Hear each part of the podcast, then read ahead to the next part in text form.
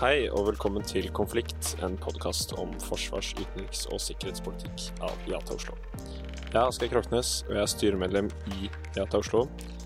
I dagens episode skal vi ta dere gjennom Taiwan og deres silisiumskjold. Og med meg har jeg Philip Bedos Ulvin, journalist i NRK med mastergrad fra Sciences Po Paris i internasjonal sikkerhet. Du får egentlig bare starte, Philip. Eh, I sommer så skrev du en artikkel i NRK om hvordan silisiumskjoldet til Taiwan kan redde dem fra en eventuell kinesisk invasjon. Eh, hvordan har det seg slik? Ja, det er et godt spørsmål. Um, man kan starte med at Taiwan uh, og Kina uh, har et lite konfliktuelt uh, forhold. Det er egentlig offisielt fortsatt i borgerkrig, og det er disse to landene hevder å være den rettmessige styresmakten for hele Kina. Så Kina fastland, fastlandskina truer eh, ofte med at de skal gjenforene seg med Taiwan. Eh, og det var lenge umulig, fordi Kina ikke hadde en marine eh, eller en luftstyrke som var, kunne krysse Taiwan-stredet og ta over øya. Og i tillegg så hadde Taiwan eh, støtte fra amerikanerne.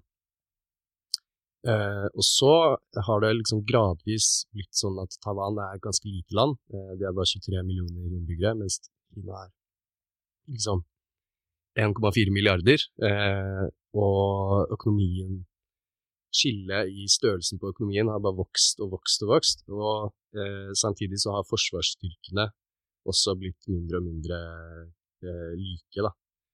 Eh, så selv om Taiwan har, bruker ekstremt mye penger på forsvaret sitt, så er det sånn at eh, de er avhengige av støtte fra USA eh, og kanskje mer andre strategiske hensyn for å gjøre at Kina ikke vil invadere. Og et ganske smart grep de har gjort der, er at de har på en måte gjort seg helt essensielle i de globale verdiene kjedene ved å utvikle eh, halvlederindustrien og eh, silisiumindustrien, eh, som eh, er de, de, har blitt veldig gode på å lage databrikker, eh, som man har i datamaskiner og mobiltelefoner, eh, jagerfly og roboter. alt som trengs for å produsere egentlig det aller meste nå til dags. av avansert teknologi, i hvert fall. så Taiwan kontrollerer nå 65% av den industrien.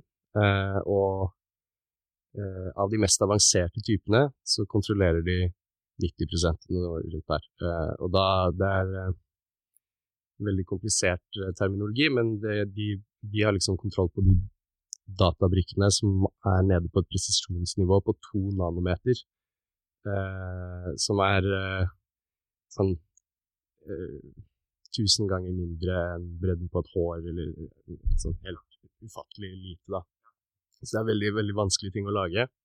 Og amerikanerne og kineserne og koreanerne, nesten hele verden, prøver jo å nå det teknologiske nivået eh, Taiwan har. Eh, det, det, klarer de foreløpig ikke, da. Taiwan har et eh, enormt forsprang.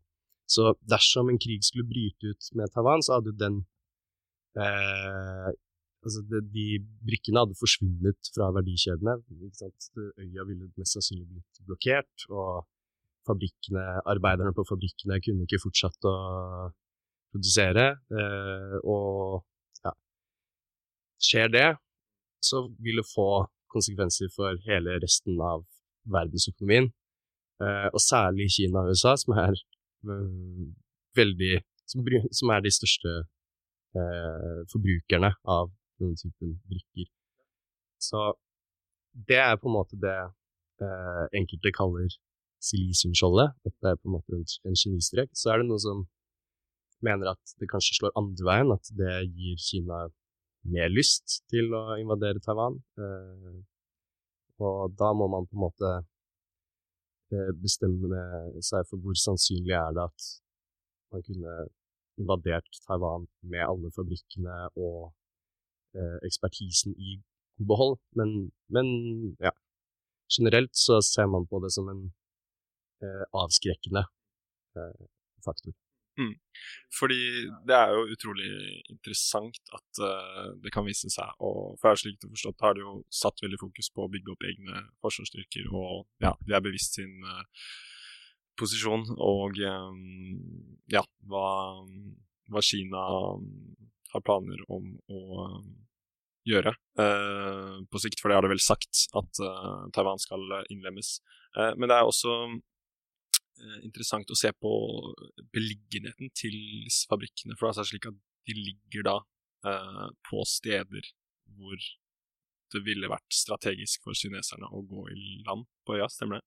Ja, så Taiwan er mange kaller det for usynkelige, eh, det usynkelige hangarskipet, eh, fordi eh, det er på en måte som en borg. Det er veldig få strender hvor det ville vært mulig å lande store invasjonsstyrker. Så de er det lett for taiwanerne å på en måte bygge forsvaret sitt rundt. Så de har som regel en eller annen militærbase rett ved siden av hver eneste strand. Det er ni omtrent ni til ti strender hvor det, hvor det, er mulig. Så de har en forsvarsbase rett ved siden av, som regel. Eh, og i tillegg så pleier de å legge fabrikkene til eh, de, altså de databrikkefabrikkene, silisiumfabrikkene, rett ved siden av militærbasen også. Det er ikke nødvendigvis eh, av forsvarshensyn og for å gjøre det avskrekkende, men det er gjerne fordi eh, det er veldig store bygg, og det bygges liksom i utkanten av uh, store byer. Uh, og rett ved militærbaser så er det gjerne plass. Uh, og, men, men, resultatet er jo at noen av de største fabrikkene ligger liksom fire kilometer ved siden av de, de strendene. så enhver en invasjon pleier jo å ha en eller annen artilleri, artilleriangrep eh, for å forberede liksom, at bakkestyrker lander og sånn, eh, eller luftangrep, så sannsynligheten for at de fabrikkene ville gått opp i røyk, er ganske høy. Eh, ja. Det er eh, eh, ja, ekstremt eh, lett å, å, se for seg at taiwanske styrker kunne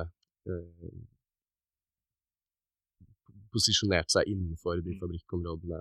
Ja. Mm, ja.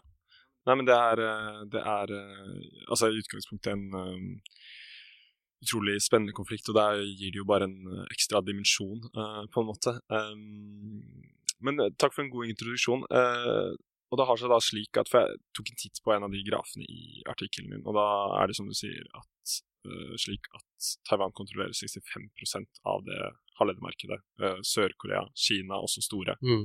Uh, og så har det seg sånn at For jeg har jo lagt merke til det selv, altså store selskaper som selger PC-er, altså Asus og Acer er jo taiwanske blant annet. Altså det er mye man de, de, er, de er, store, da. men det, her, det er en litt interessant historie bak et av de største selskapene Eh, de har da, innenfor den halvlederteknologien Jeg Kunne fortalt litt om uh, hvordan dette eventyret kan man si startet? Ja, så uh, Taiwan var som veldig mange andre asiatiske land ganske lang tid. På 70-tallet så mm, drev de for det meste med tekstil og litt lettere industri, lagde joggesko og sånn. og det begynte å gå litt dårligere Eh, det var ikke så mye økonomisk vekst. Eh, og omtrent i 1973 så eh, var det energikrise, litt som det er nå, og økonomien gikk veldig dårlig på Taiwan. Så de klødde seg voldsomt i hodet for å finne ut av hva de skulle gjøre videre. Litt som Japan hadde gjort, begynt å gjøre allerede. og da satt de liksom Det var fire Mm, sånn ministre som satt eh, et frokostbord og hadde et møte med en ingeniør fra Texas Instruments, eh, hvis jeg husker riktig, eh, i USA, som jobbet i USA, men som var taiwaner. Eh, og så sa han ingeniøren ja, men hvorfor begynner dere ikke med halvledere? Det hadde dere vært gode på. Eller, og så tenker jeg ja, det kunne vi det kunne vi gjort. Eh, og så sender de en del unge taiwanere for å lære hvordan man jobber, jobber med det. Eh, og så skjer det egentlig ikke så veldig mye på seks-syv år. Eh, men i 1981, da kommer eh, en taiwansk-amerikansk eh, ingeniør tilbake til Taiwan og bestemmer seg for at eh, ja, den ekspertisen som har blitt bygd opp, den kan jeg benytte meg av. Eh, og han som heter da Morris Chang, grunnlegger Taiwan Semiconductor Manufacturing Company, TSMC, eh, som blir eh, starten på det virkelige eventyret. Eh, og eh, sånn, Det nye med TSMC var at før hadde alle selskaper laget sine egne databrikker, så IBM, som lager datamaskiner, de lagde også brikkene. Eh, og det var ikke like effektivt som hvis man skulle laget en egen fabrikk eh, med, hvor du bare lagde databrikker. Og det begynte TSMC med. Gjorde det veldig effektivt, ble skikkelig skikkelig gode på det, og tok over markedet til slutt til at alle bare kjøpte eh, deres brikker, eh, mer eller mindre. Da. Eh, og så har det kommet flere eh, gjennom. Det er også et eh, litt mindre taiwansk-selskap som har 10% av verdensmarkedet eller noe. TSMC har 55 eh, Ja, og, og, det har jo også på en måte skjedd samtidig som Taiwan har utviklet andre store selskaper som eh, tar steget videre i verdikjeden. Så du har Foxconn, som er egentlig mye større økonomisk eh, nå, vil jeg tro, eh, enn TSMC er, eh, som lager de eh, setter sammen mobiltelefoner som f.eks. For, for Apple.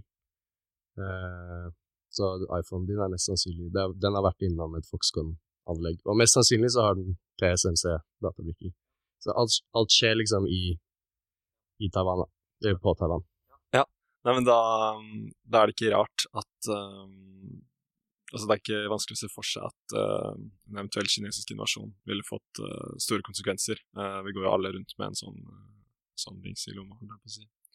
Um, det er jo også Ja, nå har vi jo snakket litt om hvordan er, eh, den industrien her er bygd opp og sånn. Um, I Altså, nå har jo krigen i Ukraina vært uh, uh, Hva skal jeg si uh, Den store utenrikspolitiske saken hele, gjennom hele 2022. Eh, men i juli og august så var folks øyne rettet mot Taiwan også.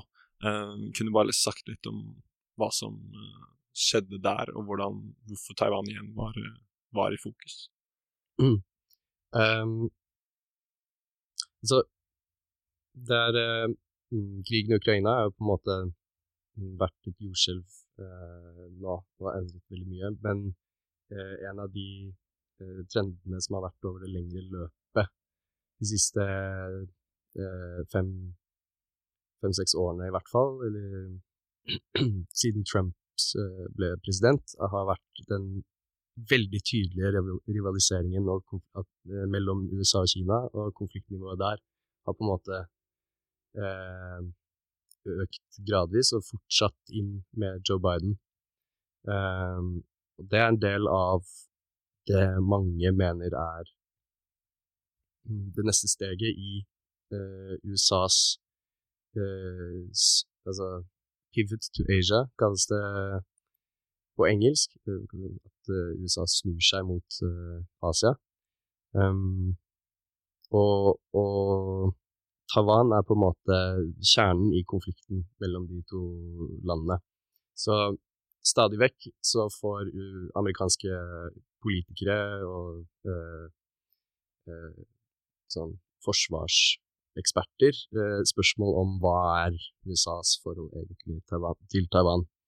Det kalles gjerne strategisk tvetydighet, eh, fordi eh, de bevisst er veldig uklare. Men eh, opp igjennom så sier USA at de vil hjelpe Taiwan å forsvare seg, og så er det uklare på om de vil gå inn militært eller ikke for å gjøre det.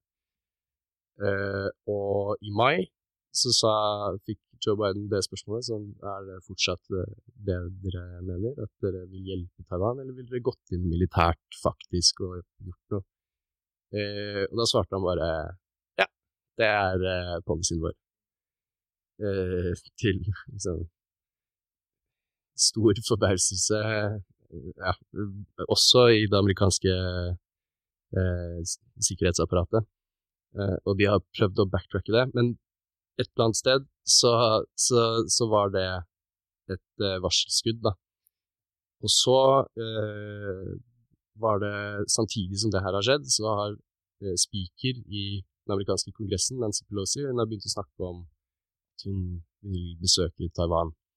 Og det er eh, veldig sjeldent at noen så høyt rangert som hun er, speaker i kongressen, altså tredje i eh, på en måte arverekka, hvis det skulle skje noe med presidenten og visepresidenten, eh, at noen så høyt oppe skulle dra til Taiwan. Det skjedde sist i 1997. Eh, da var det en republikaner eh, som kom, da det var en demokrat som var president. Eh, men nå, i tillegg, så er Pelosi på en måte i samme parti som presidenten, så det virker som de er eh, samstemte. Så da Det har på en måte Det at den turen ble snakket om, det, møtt, det ble møtt med veldig sterke advarsler fra Kina. Og så tror jeg det var 4. Eh, august eller noe at hun til slutt kom, jeg husker ikke akkurat presist hvilken dato. Uh, hun var på turné i Asia, og liksom plutselig så dukket hun opp. Flyet hennes var på vei til Taiwan. Uh, og kineserne gjorde på en måte som de hadde lovet. De holdt da eh, tidenes største militærøvelse rundt Taiwan og omringet hele øya. Var inni det Taiwan mener er sitt territorielle farvann. Eh, det, det er, de, hadde, de, har aldri gjort noe på den skalaen. Eh, og simulerte på en måte en blokade rundt øya. Og på mange måter så var det en blokade, fordi det var veldig vanskelig for skipsfarten, skipsfarten, skipsfarten eh, å komme seg eh, trygt eh, gjennom de eh, områdene kinesiske militære øvde i. Eh, så der er vi, det er setter jo på en måte en helt eh, spinnvill presedens for det som kan skje videre. Nei, men for Joe Biden er vel kjent, eller blitt kjent som en som kan Løs kanon? Løs kanon, ja. Eh, ja. Ord kan jo fort dette ut av munnen hans, men med eh, Pelosis besøk med hun som demokratisk kongressleder, ble det jo helt tydelig at dette var en bevisst politisk retning. Og Kina viser jo muskler her. Eh, denne militære øvelsen handlet jo ikke bare om å krenke luftrom, som de vel ofte også gjør, da, men å virkelig eh, vise og demonstrere evnen til å gjennomføre en blokade av eh, øya, da og dette påkaller jo amerikansk oppmerksomhet i likhet med europeiske stormakter i Europa, fordi en invasjon åpenbart vil gi globale konsekvenser, eh, som vist ved denne verdikjeden for halvledere. Da. Eh, men kan det tenkes at vi i Europa ikke forstår perspektivet til USA rundt hvordan Taiwan-konflikten er minst viktig for verdensorden, og da også for dem, eh, som krigen i Ukraina som utspiller seg nærmere oss, da? Mm. Der, jeg tror vi nå med krigen i Ukraina føler at uh, USA har vært en veldig klar alliert, og de har vært veldig investert i Europa. Men man skal jo huske at sånn har faktisk ikke uh, gått inn militært. Og det er, det, er, det er, fortsatt en ganske stor avstand uh, til USA. det er jeg tror responsen man ville sett dersom Taiwan skulle blitt angrepet. Det er trenger ikke å være direkte militært bidrag, men den amerikanske responsen ville vært helt fenomenal. Det er fordi eh, USAs interesser i eh, Øst-Asia er eh, mye større, egentlig, enn de er i Europa, eh, særlig Øst-Europa. Um, og eh, på en måte forholdet til Kina er det definerende eh, forholdet USA må bestemme seg Altså ha en klar linje på. Um, de må ha en strategi rett og slett for å uh, hindre at Kina tar over kontrollen over uh, Øst-Asia. Og uh, Taiwan er på en måte spydspissen for det. Dersom Kina hadde Taiwan, så er det mye lettere for Kina å prosjektere makt inn og ut i resten av Stillehavet. Um, da vil ikke USA f.eks. ha evnen til å uh, loggføre og observere alle skipene og alt som sendes ut av Kina. Um, og det kunne jo videre Man kunne sett uh, da et Kina som setter enda mer krav på um, japanske øyer eller filippinske øyer. Og, ja. um, da, da, er det på en måte Selv om Stillehavet er ekstremt stort, så føles det for amerikanerne som at hvis Taiwan faller, så er kineserne rett utenfor Los Angeles og Hawaii. Ja. Så eh, med, med, Ukraina så er det jo på en måte en, en barriere, eh, både fordi eh, du har Europa imellom, og du har øh, Og den makten som truer Ukraina, er Russland, og Russland er et mindre eh, en, mindre spiller enn det Kina er. Mm. Ja, nei, altså Jeg smiler jo litt når du sier det her med Los Angeles og sånn, men det er noe med å forstå hvilke ulike perspektiver vi har på ja, en og samme konflikt. Altså Jeg så jo at men det var en rep republikaner som stemte mot i Kongressen da de skulle ratifisere Sverige og Finland som um, potensielle Nato-medlemmer. Uh, og da stemte han mot, jeg husker ikke navnet på han i forbifarten, men han stemte mot fordi han mente at det dro uh, USAs uh, ressurser, da, bandt de opp mot Europa uh, på en måte som ikke ville være deres interesser, da fokuset heller burde ligge på Kina. Jeg syns det var interessant, et interessant perspektiv, og sånn, noe vi i Europa kanskje ikke tenker like mye på, da, også spesielt i Norge, siden vi har Russland som, som naboland. Har du flere eksempler på geografiske områder der USA forsøker, men sliter med å reallokere militære og diplomatiske ressurser? Ja, eh, det altså et klart eksempel det har jo vært Midtøsten, hvor eh, USA eh, de har hatt eh, en eh, innvikling de siste 40 eh, årene, omtrent.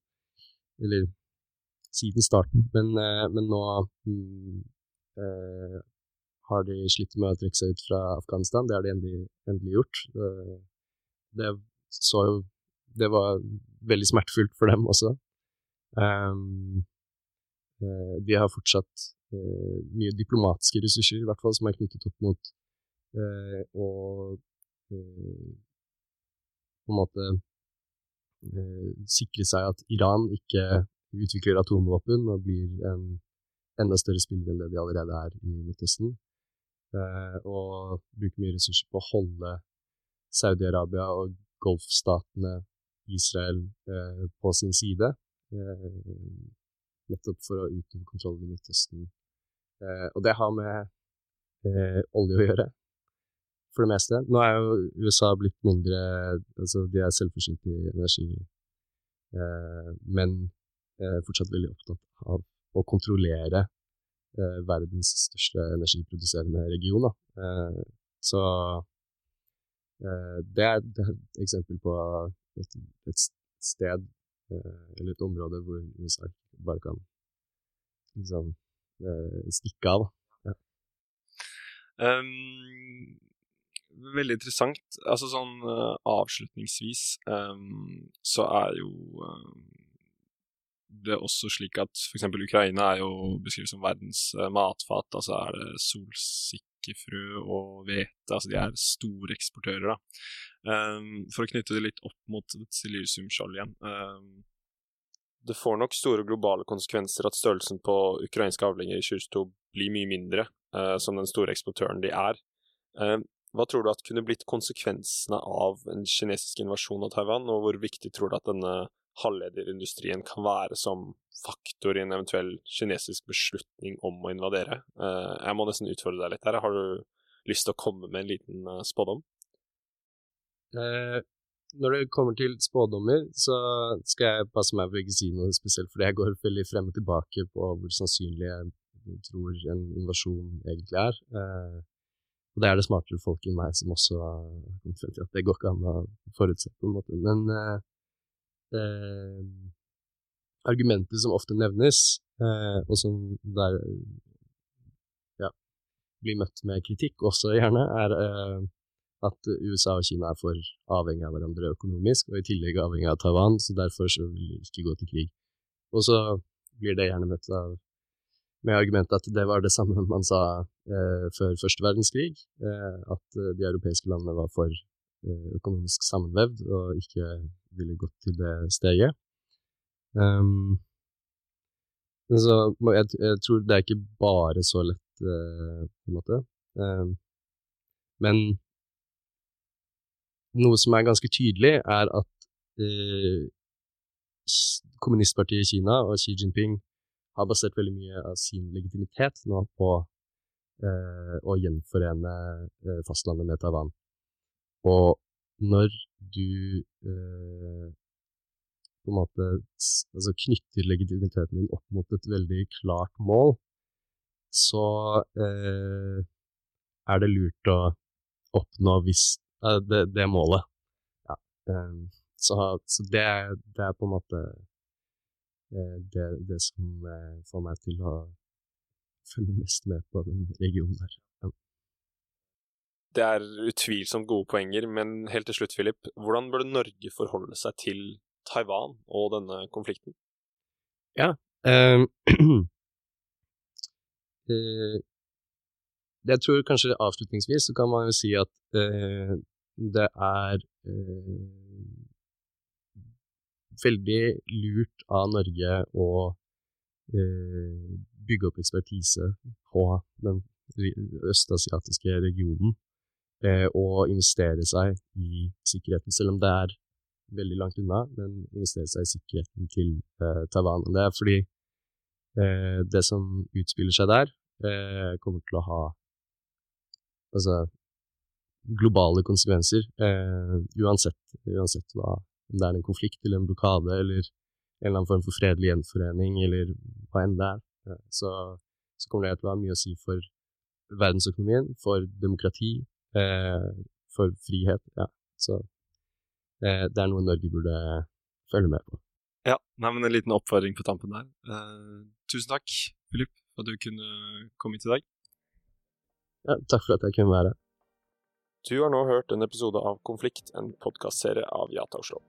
Vi er en organisasjon for unge med interesse for forsvars-, utenriks- og sikkerhetspolitikk. Om du synes det høres spennende ut, bør du finne og følge oss på sosiale medier, og gjerne bli medlem på jata.no. Vi har lokallag rundt om i hele landet. Om du likte det du hørte i denne episoden, håper jeg at du sprer ordet, slik at vi kan nå ut til enda flere med episodene fra tidligere sesonger, og med resten av episodene i sesong tre. Da takker jeg for meg. Vi høres.